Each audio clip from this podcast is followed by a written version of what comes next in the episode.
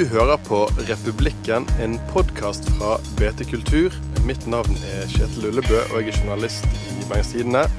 Med meg har jeg kollega Guro Bergesen. Hallo. Hei.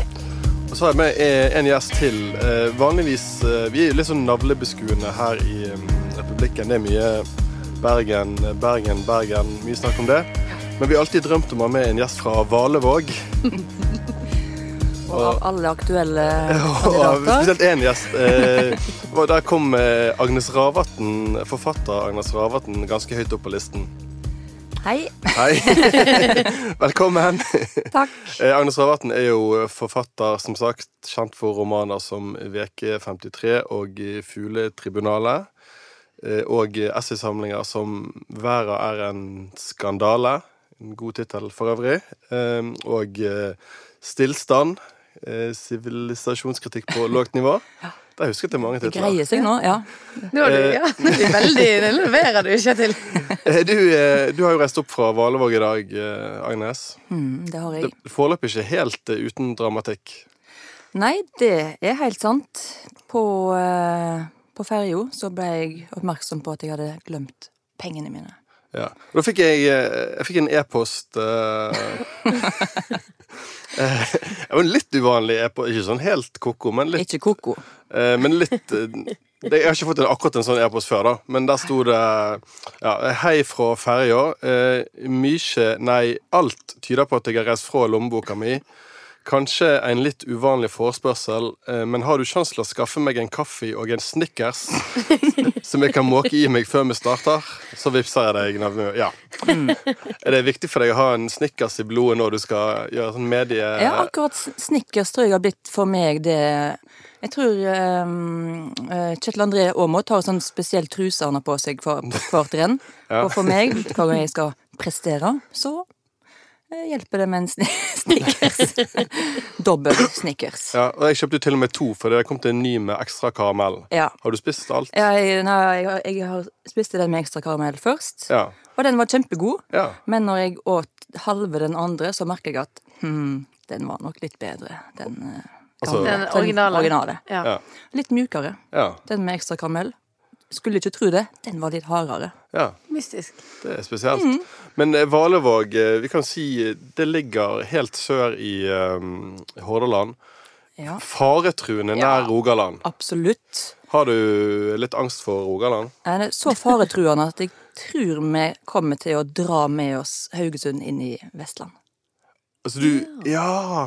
Merker tendensene nå for folk som okay. Stadig flere haugesundere som er liksom ja for du, dette er i rekognosering. um, Dette er i Sveio kommune, Ja. som er, som er i Hordaland. Ja. Som grenser til Haugesund. Ja. Og ehm, ja. eh, Dere hørte det nok ikke først fra meg, men det er det Altså 2026, da tror jeg vi, mm, vi har fått med oss Haugesund. Inn i Vestland. Ja. Du jobber for at eh, For det er vel snakk om en Jobbe og kommun- jobbe. Jeg, nå jobber jeg litt for det. Du, du bare kaster det ut i luften her. Ja, tenk, tenk litt på det, dere Ja. som hører på. Dette er jo et interessant valgkamputspill. Tusen takk. Det kan jo bli fulgt opp. Det er veldig gøy Ja. at Kjetil spør sånn. jeg er ikke redd for eh, andre veien. Altså, resten av Sveio kommune må gjerne gå til Rogaland, men akkurat Valevåg Ja. vi, vi er jo Winterfell. Vi gir oss aldri. Vi står alene uh, i Hordaland fylke. Mm. Nei, i Vestland. Ja, i Vestland, ja. ja. Ja, det, men det er gøy at Kjetil spør Er du redd for Rogaland. For det er jo eh, Det er det jo Jeg er faktisk redd for Rogaland. Ja, for han er jo kjemperedd for Rogaland. Jeg er redd for to ting. Rogaland og Danmark. Og de er litt sånn like. Altså, Ja, der, nei. de har litt samme Nå- kvaliteter, tenker Nå du? når jeg skulle finne, komme på med eksempel, så ser jeg at nei, de er ikke så veldig like. Jær- Jæren-området er jo, eh, er er jo kanskje bare det at det er litt mer forbindelse, eller Mm. at det er kortere vei til Danmark. Men du har jo Fra blitt, Rogaland, eh, du har, som jeg er veldig redd, altså Danmark. men du har jo blitt flyttet til Rogaland før, har ikke du det? I livet ditt? Jo, det er det jeg har, så jeg snakker jo med en viss tyngde sammenlignet med mange andre For du er oppvokst i, politikere. eh, du er oppvokst i eh, Ølen, Ja, som var i Hordaland Nei, hvordan var det? Det var i Hordaland fylke. jeg så må svelge av, av sorg, vemod, men det var i Hordaland fylke, og i 2000 og, hm, så var det en folkeavstemning som gjorde at eh, Jeg tror det var 51 og 49 prosent, altså rett og slett. Men Men eh, vi heiv oss inn i Rogaland. Men du, eh, du er jo i Bergen for eh, litt for å snakke om din nye roman som kommer nå om ikke så lenge. Eh, 'De sju dørene'. Ja. Og den foregår jo i Bergen. Ja! Til og med den, den Ja. litt ene dramatiske hendelsen foregår skjer 300 meter fra der jeg bor. Åh, Så jeg syns det er en veldig god hva, hva bok. for en da, holdt jeg på å si? Er det, Ikke- av veldig mange dramatiske hendelser. Ja, altså den, men, eh, en, en, en som I eh, Birkeveien? Ja, ja. Jeg bor i nærheten av Oi, oi, oi. Um, du er jo, men jeg, du har sagt tidligere at når du, når du begynner på en ny roman, så er du i en fase der du egentlig begynner på en ny roman hver dag. Ja, sånn som nå, i denne fasen. Ja. men hvordan, eh, hvordan var det du valgte at dette skulle bli? Hva, hva var det med denne historien eh, som gjorde at eh, du ville Denne skal jeg gå for. Ja, det var Det var u, altså, for meg uvanlig nok at jeg syns jeg hadde en tematikk. som blir nesten litt flau når jeg det, hører meg sjøl si det, men jeg hadde en tematikk som jeg var Uh, Som jeg syns var brennende aktuell og viktig. og, eh, og blei helt eh, besatt, eller livredd for at noen skulle eh, Da så jeg for meg at ja, her sitter det sikkert 10 000 andre romanforfattere og jobber med akkurat samme tematikk. Her gjelder det å ikke ligge på latsida. Jeg må bare kaste meg rundt og Ja, jeg glemte jo å si hva Eh. boken handler om. Det var litt uprofesjonelt. Men den handler jo om en eh, litt aldrende litteraturprofessor som kanskje er litt lei av jobben sin. Ja. Eh, og så har hun et slags medieutspill der hun sier at eh, I Bergens Tidende, forresten, i, eh, i boken, der hun Ja. sier at eh, det burde vært flere Flere litteraturvitere burde jobbe i politiet. Ja, det er det forfatterens liksom- talerør. Jeg lo, jeg lo for øvrig høyt når eh, hun sier det. Ja, så bra. Um, men så grunnen til at du sier det, Hvorfor, for hvorfor lo du av det? Det skulle ikke være morsomt, Kjetil. Men hva kan jeg bare for, eh, eh, Ikke at jeg ikke setter pris på ditt resymé av boken, Mm. men, men jeg lurer jo litt på hva denne viktige tematikken var, Agnes. Nei, det er noe annet. Nå, å snakke med nå er det Kjetil som har, hadde ordet. Nå bare gir jeg litt av handlingen. Eh, men så skjer jo det en forsvinning i hennes eh, omgang av, å si, i en leieboer de har, da. Det er ikke, det er ikke Ja. liksom uh, spoiler å si det, for det er jo Neida, det er jo på side ti. 10, Ja, det- det er på side 10. Nei, Eh, jeg har Nei lest til side 20 et eller annet, og Ah, det har skjedd noe Ja. med forsvinningen da, Tre- Kjetil. 31. men i hvert fall så blir hun på en måte en politietterforsker. Litteraturviter og politietterforsker. Ja. Var det kjempegodt? Det er akkurat, det, akkurat det Samlaget jeg skrev om boken. Det jeg sa nå. ja, jeg, jeg syns egentlig at uh, kanskje du var hakket hvassere, til og med. En, uh, Nei, jeg er veldig fornøyd med ditt resymé. Altså, det, det- var jo ingenting å sette fingeren på der. Men ehm, Og det var Nei, det var jo kanskje ikke akkurat det som var den hovedtematikken. Men eh, jeg, eh, jeg står på sett og vis inn- inne for at eh, Eller for å si noe litt annet, da. For eksempel eh, på Universitetet i Bergen så har de jo hatt dette oh, Nå må jeg tenke, men Senter for eh, juss og litteratur. Uh, ja, Altså, Eh, Senter for eh,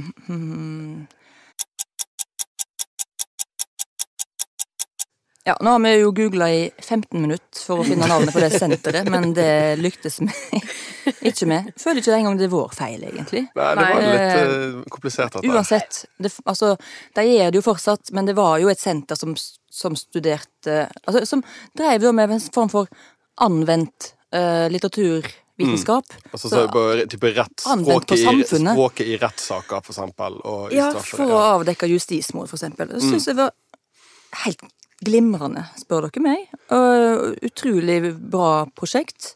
Men ehm, min uh, romanperson, da, uh, syns at det å komme inn som etter at dommerne har falt, og for å avdekke justismord, var Det er for slapt. Ja.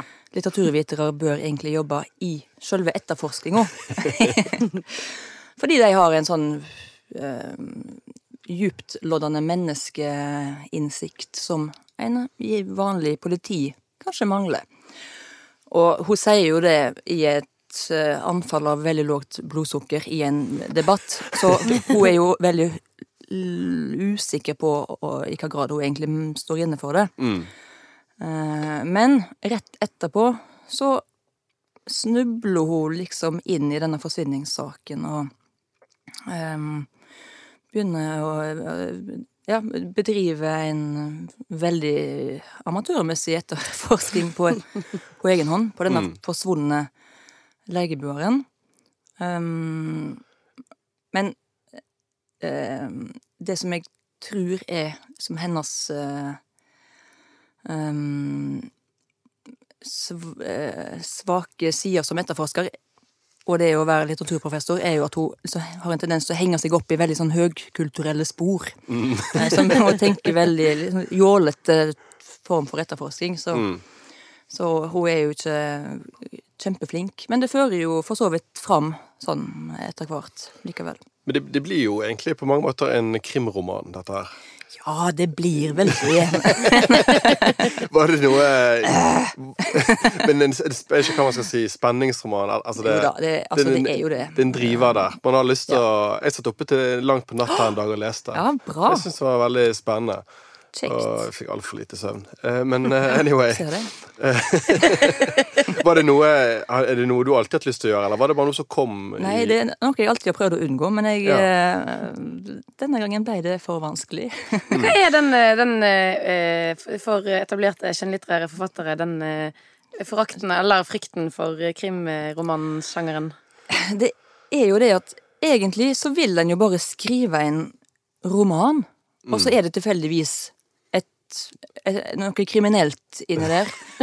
eller noe mystisk, eller noe spennende. Og da, det, og da blir det plutselig så heter det krim, og da opererer du liksom Mm. uh, side om side med Ja, jeg nevner ikke navn, jeg, men eh, og, eh, og det bør jo ikke være en Altså, det bør selvfølgelig ikke være en eh, skam eller en Men det Jeg, jeg syns at det der skillet er irriterende. Og jeg um, Før så tror jeg jeg uh, sikkert ville vært totalt fremmed for Mm. å skrive en krim ut av rein sånn ungdommelig snob snobberi. Mens nå, på mine gamle dager, så uh, Altså, jeg tjuvstarta jo litt med Fugletribunalet, egentlig. Ja. Den er jo òg Den har òg et spenningsdrevet Mm. plott. eh, sikkert. Kanskje ikke i så stor grad som den. Nei, dette er jo mer å ta steget fullt ut. Men jeg vet jo, det kommer jo til å være sånn Jeg bare ser for meg anmeldelsene, så er det sånn eh, Lykkes ikke helt med å Altså at liksom Agnes Ravatn eh, debuterer som krimforfatter. Ja, og så Men Men vet du Ja. hva som er ganske irriterende? Nei. Fikk et rart blikk fra min eh, sjef og kollega Gyro.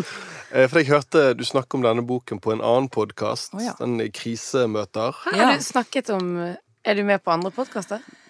Nei da. Det, det, det var i Oslo. Det er en annen Det var i republikk. Oslo, det er et annet, eh, et annet univers.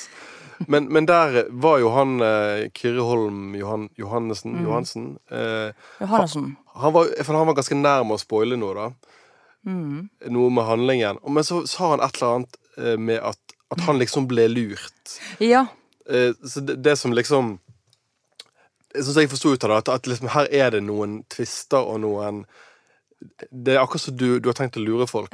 ja. Og det er jo veldig klassisk krim, da. Det er jo det. Selvsagt. Men, men nå bare Så- tenker jeg på For det er jo noen sånne Jeg har lest kanskje 150 sider, så det er jo noen sånne åpenbare Åpenbare spor, da, på en måte. Jeg er blitt sånn etterforsker. i- Mm. Ja, bra. Det er noen åpenbare spor så, der jeg tenker at nå vil hun at jeg skal tenke det, Ja. for så et jeg men, det men det er, bare et, det er bare et lurefrø. ja. Er det sånn du driver på? Lurefrø? Ja, det er masse lurefrø. Det, sto, det er det jeg driver med i denne boka. Det er litt gøy, ja. Jo, men det Ja, altså Jeg syns at det må gå an å drive med lurefrø, og samtidig at en kan late som, eller si at det er seriøs litteratur. Mm. Lurefrø er veldig litteraturvitenskapelig ja. begrep. Jeg har bachelor i lurefrø ja. på 2000-tallet. Men du sa at du var redd for at det satt 10 000 andre romanforfattere og skrev om akkurat den samme tematikken. ja. eh, var det noen flere enn deg? Denne Nei, ikke foreløpig. Men uh, nå er jeg ikke så godt orientert i samtidslitteraturen.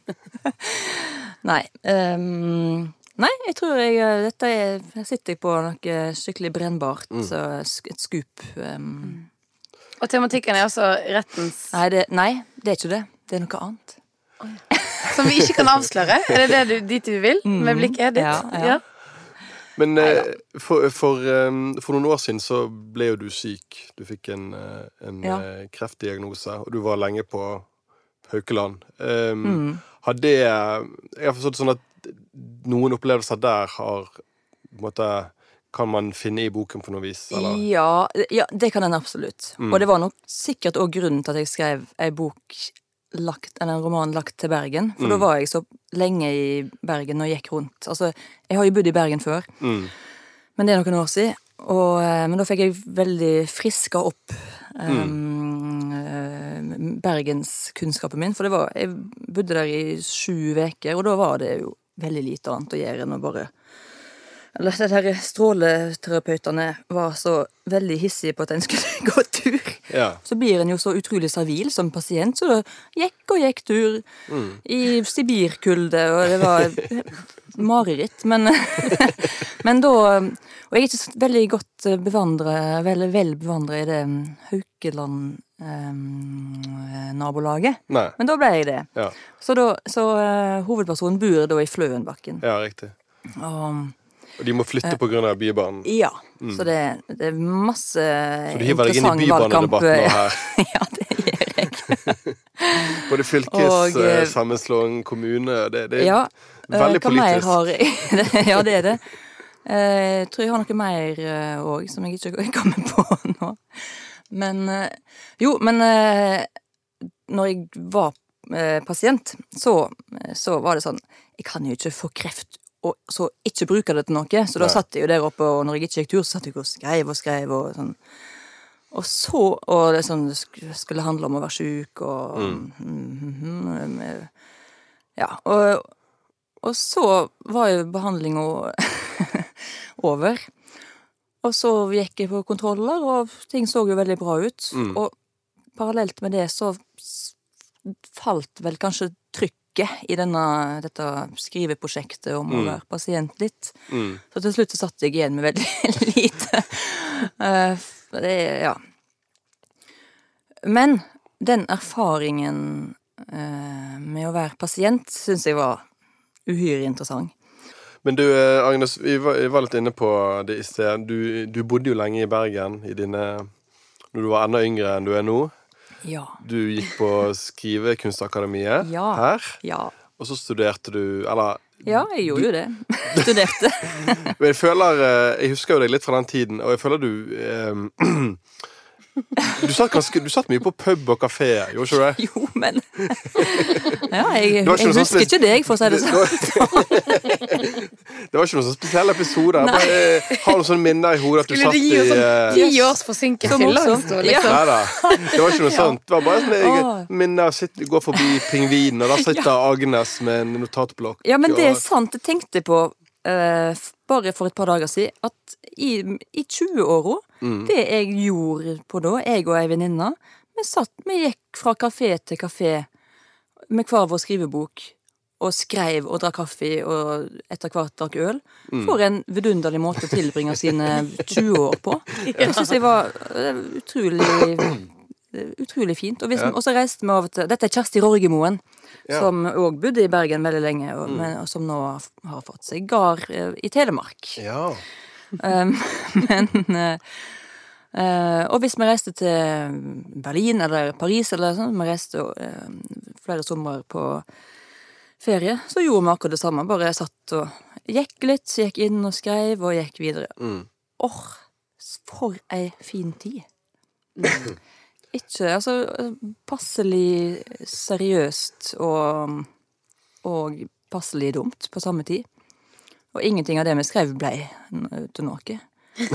Men, faktisk Men, var- men var det likevel litt sånn du lærte å bli forfatter? Ja, det, det er ikke det derre øh, romantiske ved å sitte på en kafé og skrive den i Paris. Altså, det var, det var egentlig hadde vi kunnet unngått det, så hadde vi gjort det, hvis du skjønner. Det var ikke eh, For det syns jeg jo er veldig sånn tåpelig bilde. Sånn fabelaktige Amelie fra Montmartre-aktig. Sitte, sitte og skrive. Altså. Men, men um, ja, det var det vi hadde mest lyst til nå. Vi brydde, brydde, brydde oss ikke om hvordan det så ut. Nei. Men det så jo tydeligvis eh, ikke ut, siden du husker det så godt. Men du kom jo med din debutroman mens du fortsatt bodde der, veke Ja. 53. Ja. Men du skrev jo også for Bergens Tidende tidligere. Ja, det, Det må ikke vi jeg glemme. faktisk. Nei, det må vi ikke glemme. Kan du huske, Herregud, for noen kan du huske den gangen du skrev om frisører? Eh, Ja, fikk, det ble jo utløste jo en veldig stor debatt på hele Ja, Vestlandet. det, du skrev jo blant annet Jeg har det her, skjønner du. Eh, Du skrev blant annet at eh, frisørene er, fra før av et eh, til det keisamme utskjelt folkeferd, og det er trulig fortjent. Eh, og da kom det jo et leserinnlegg i BT fra Olav Eikemo, direktør i Norges frisørmesterforbund. Og far til Marit Eikemo, forfatteren. Er han det? Nei. Nei, det var litt feil alder. Det må vi klippe vekk. Hvorfor det? At jeg trodde det kunne være faren til Yes. Marit So what? Les, da. Men han skriver eh, altså eh, Agnes Ravatn har fått spalteplass i Søndagsgjesten den 22. juni for å fortelle leserne at hun trives best med å klippe seg selv. I frisørbransjen synes vi den slags er ganske morsomt, siden de fleste slutter med dette i barnehagen. Men det, men det utløser ingen humoralarm med, i sånn Det er Det for å understreke at han ikke syns det var noe, ja. var noe morsomt. Nei. Men eh, videre, da, litt senere skriver han eh, Agnes Ravatn prøver altså å gjøre seg morsom på frisørenes bekostning, men det faller godt og grundig igjennom. En dose manglende respekt for andre, iblandet et par eh, til del, eh, deler kunnskapsløshet, og toppet med en liten dash ondskapsfullhet, blir sjelden det samme som stor underholdning. Ja. Nei, han har jo rett. Men eh, jeg syns jo faktisk eh, Olav Eikemo leverer her. Eh, det er Ja. godt, godt leserinnlegg. På slutten skriver han eh, Det er sikt, sikkert viktig for Agnes Ravatn å fremstå som intellektuell og opptatt av andre og langt dypere verdier enn de dumme frisørene. På klassereisen fra øl til universitetet og mastergraden sin Ja. Eh, Har du masteren? Nei. eh, eh, masteren sin eh, Inkludert forfatterskap av en bok nesten ingen kjøpte, Oh, bør legge... det er misvisende. Bør en legge eh, seg på minne hva Aksel Sandemose mente om hennes egen yrkesgruppe. Eh, en forfatter er en person som ikke kan holde vrangforestillingene sine på seg selv.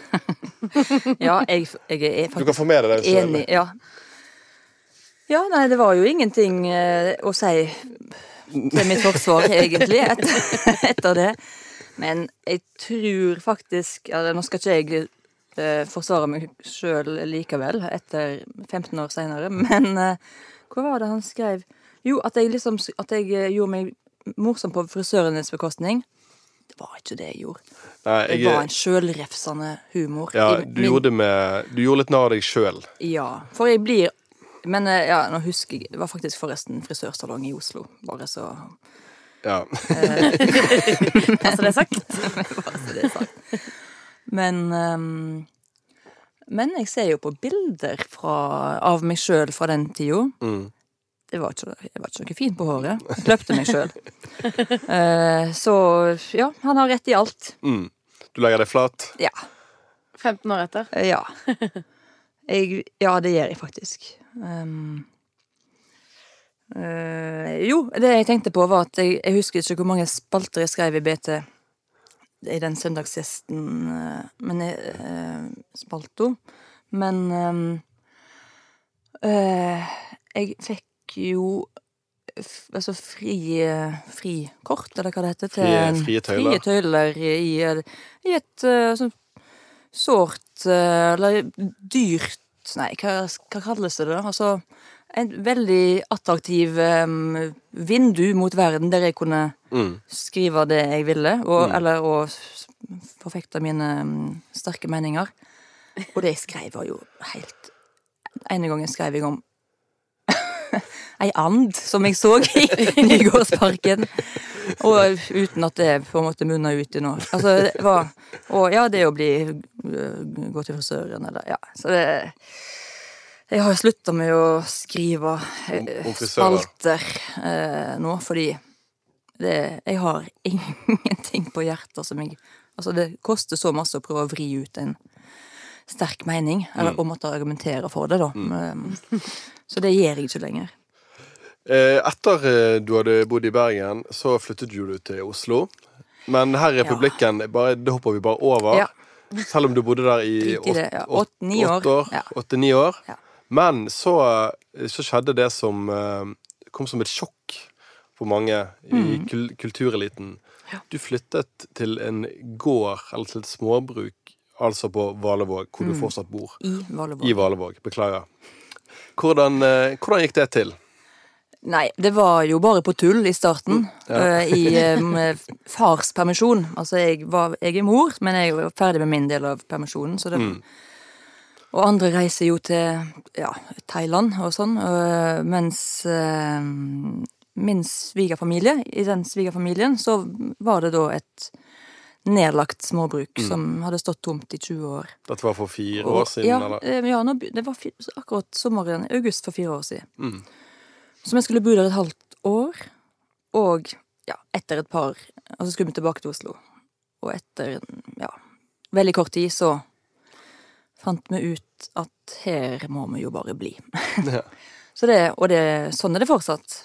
Hva var det Det som er- appellerte ved det livet, da? Ah, jeg er jo så lat, og det å bo der er så skreddersydd for en lat person. Det er eller, ja, det er for så vidt både òg.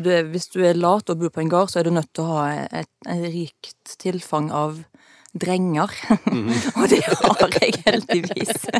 Jeg har en svigerfar og hans bror som er snekker, som er hos oss og hjelper oss veldig masse. For en, livet nå består jo av å skifte kledning året rundt, og at steinen detter ned fra taket, og øh, det, ja, skjer ting hele tida utenfor vår øh, kontroll. Og, øh, så det er masse sånne ting, men den utfattelige friheten det er jo eh, bare være i det huset, eller gå rundt i det tunet, og det er helt stilt, helt åpent, det er masse skog og dyr og eh, god luft, og, eh, og, og alt det er jo kanskje ikke ting som er så veldig viktig for meg når jeg hører meg sjøl nå, men det som er viktig, og det som er så deilig, det er så lave skuldre der.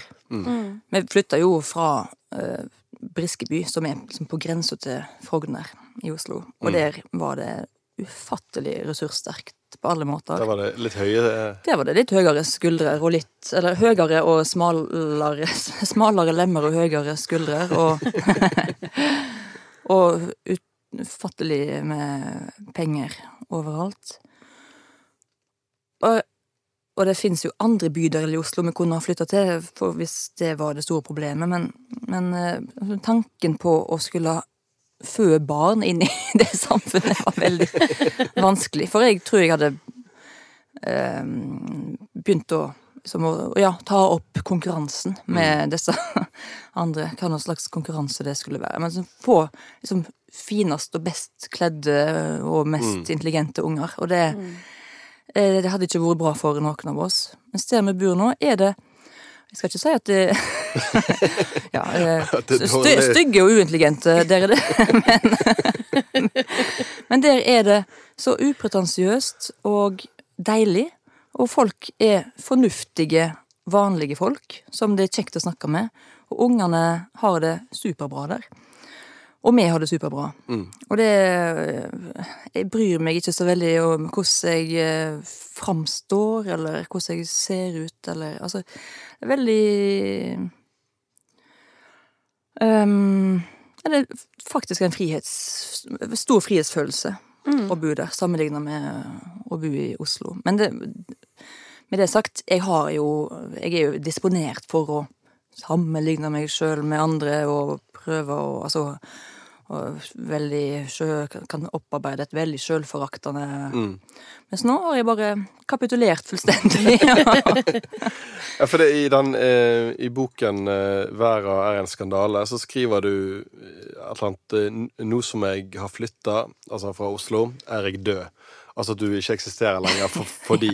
Var, var det litt sånn i begynnelsen at du var litt redd for hva du gikk glipp av når du flyttet fra byen? Og, Litt Eller jeg, jeg ehm, Ja, jeg var kanskje litt redd for at det å Altså at at det faktisk kunne være vanskeligere å være forfatter der fordi eh, en ville bli glemt, da. Mm. At en eh, ja, ikke ble anmeldt. Ikke Altså Jeg tror jeg hadde en sånn forestilling om at hvis en skulle bli anmeldt, så måtte en på en måte holde seg litt eh, friskt i kulturredaktørene eller kulturlederne sine, sitt minne. du måtte gå på eh, Og- fester og Ja, nettopp Og ja, figurere.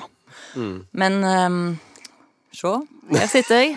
BT sin kulturpodkast. Så ingen fare. Men det virker jo nesten som om det har virket motsatt, fordi at eh, i nesten alle intervjuer med deg, så blir det gjort et stort poeng av Ja.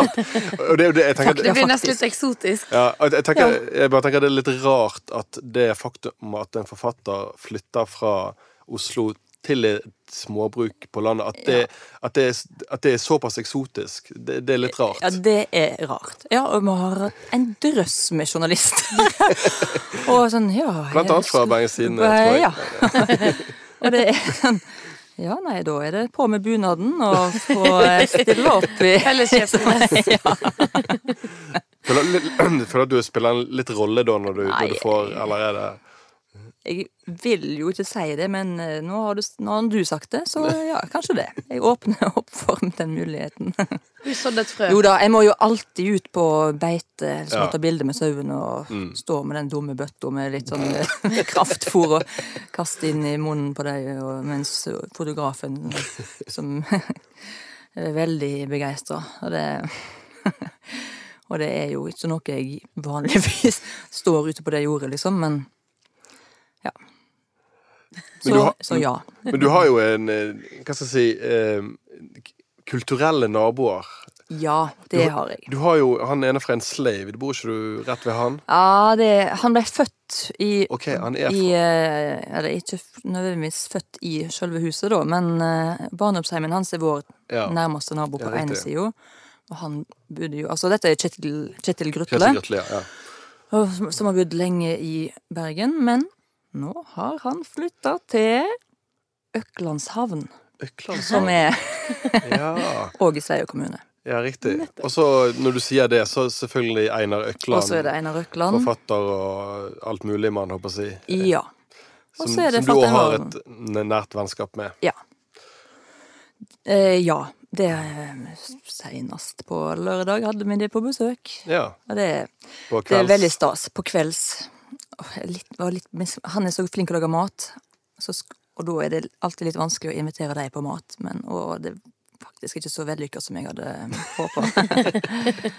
men de er jo veldig høflige og tolerante likevel. Men jeg har forstått at en eh, si, litt dum ting med å bo, flytte på landet, det er at folk bare kommer på besøk i tide og utide. Tilsynelatende fordi de tror dere ikke har noe å gjøre på. ja, altså folk fra byen, ja. Ja, folk fra byen. Som eh, nå skal vi bryte dette isolat, stakkars isolatet det, det, deres. Og det Altså, jeg har aldri vært mer sosial enn altså, og, eh, altså, i seg sjøl, uten det, dette besøket, for altså, det er vel noe som alle som får unger, opplever, at det er jo eh, unger på besøk og, og foreldre og et evig virvar av eh, eh, em, sosial trening dagen lang. Så med, jeg har aldri snakka med mer folk enn no, hva jeg gjør nå. Så jeg har ingen, ingen sterke behov for å få besøk Så det er ikke sånn som isolerte kunstnere i skogen-stemning? Ikke det, altså. Så Hadde Så hvis, hvis noen har lyst til å besøke Agnes, som hun lytter på, så ta ring først. Og Ja, det er ikke nødvendig. Kan vente litt. Ikke gjør det for vår del, i alle fall. Ja, det, det var fra, eh, morsomt. Jeg bare googlet deg i sted. Så de to um, Wikipedia. Nei, for det, Google sto innstilt på nyheter. Ja. Da, da får ikke du opp det. Eh, men de to øverste treffene, det var en sak fra avisen Stord24 med tittelen 'Å by på Valevåg er avhengighetsskapende'. Ja. Det er sånne ting som en sier av seg sjøl uten å Og, men eh, det, andre treffet, det, liksom var, det syns jeg var litt gøy. Det var en sak fra Mor- Morgenbladet med tittel eh, Agnes. Ravatn har kjøpt seg Apple Watch. Ja. Å, herregud. Ja. Jeg jeg vet ikke om jeg skal kommentere det, eller bare Men det Nei, det og så illustrert med et bilde der jeg sitter liksom på gården min, og, og, så, og så er det saken. Ja. Men eh, ja, det Fins det noe stemmer, mer det. det. er jo eksotisk enn en forfatter som har flyttet fra Oslo til landsbygden og har Apple Watch? Nei, sant? Det er så mange kontraster. mange. Ja, det er veldig spennende. Teknologi Altså, og mangfoldsåret skulle aldri vært Skulle ikke tro at det var over, for her sitter det ei dame med Apple Watch I Valevåg. i Valevåg, og er avhengig av et eller annet, så hun ikke sjøl vet hva det er. Mm. Ja hva, Var det flere- nyheter? Ja. Det var det. Videre. Eh, nå eh, Jeg har litt lyst til å finne ut hva som skjer i denne boken din, men jeg tror kanskje jeg må gå og lese den i, eh, i kveld. Ja. Eh, vi pleier jo å be våre gjester om et eh, kulturtips. Eh, våre for det, Gjestene våre er jo kulturpersonligheter. De vet veldig mye om kultur. Kulturbauta har du vel også omtalt det som. Ja. Eh, og hvis det er en som er en kulturbauta, så er jo det deg, Agnes. Ja. Eh, har du et tips til Republikkens lyttere? Eh, Ja, men det er kanskje et litt dårlig tips i den forstand at jeg jeg vet ikke tid det kan eh, Hva tid det blir realisert. Nei. Men jeg vil jo eh, tipse om at Marit Eikemo, før, altså datter til direktøren i Norges frisørmesterforbund um, Ah. Hun kommer med en eh, novellesamling Mm. nå i høst. eh, som heter Hardanger. Ja. Som jeg gleder meg veldig til.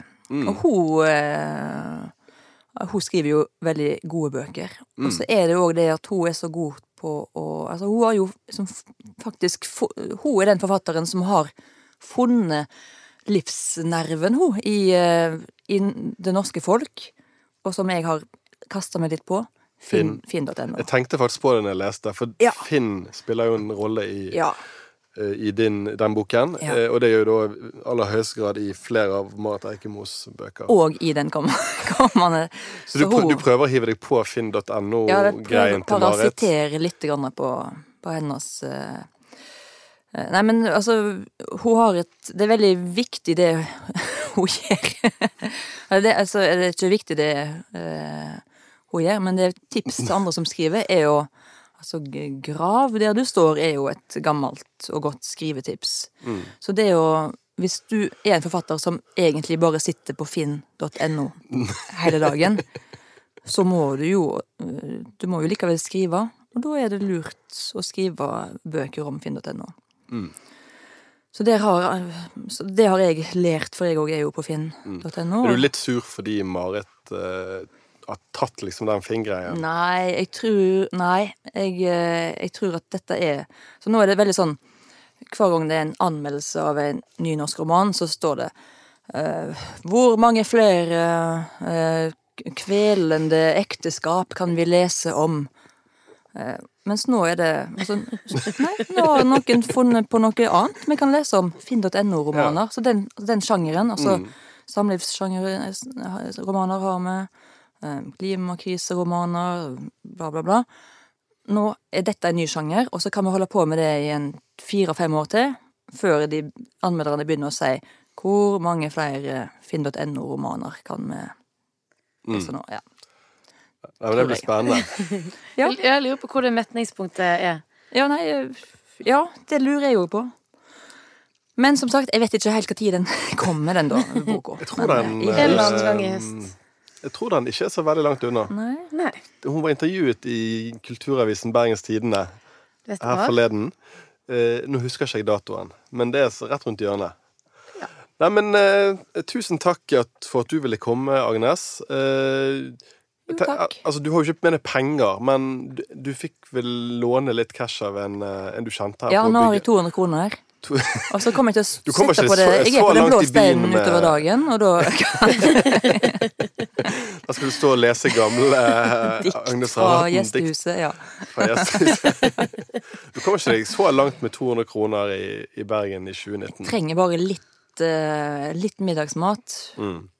Ja, kanskje jeg var, egentlig var litt, eh, litt for beskjeden når jeg ba om 200, men Jeg trodde kanskje det var en 500-lapp du fikk, men 200 var litt det lite. var bare 200. Når jeg sa 200, så hadde jeg kanskje regna med at hun ville ta en 500-lapp. Og så så kom jeg ikke langt med 200 i dag, men det gjorde hun ikke. Yes, eh, eh, til slutt i Republikken pleier vi alltid å spille litt eh, ny musikk. Eh, denne gangen skal vi egentlig spille eh, en sang som er både gammel og ny, på en måte. Det, det er bandet Fjorden Baby, som jo i disse dager spiller sin første konsert på årevis. Eh, de, ga, de lagde for en del år siden en, en låt som het Nice Time City High, som de nå omsider har gitt ut. Eh, den høres egentlig ut som den ble laget i type Manchester på slutten av 80-tallet. Og for noen, sånn, sånne som meg, så er jo det en evig god ting. Eh, Så de, han, han høres veldig bra ut også i 2019. Produsent for denne podkasten er Henrik Svanevik. Takk for oss. Takk for oss.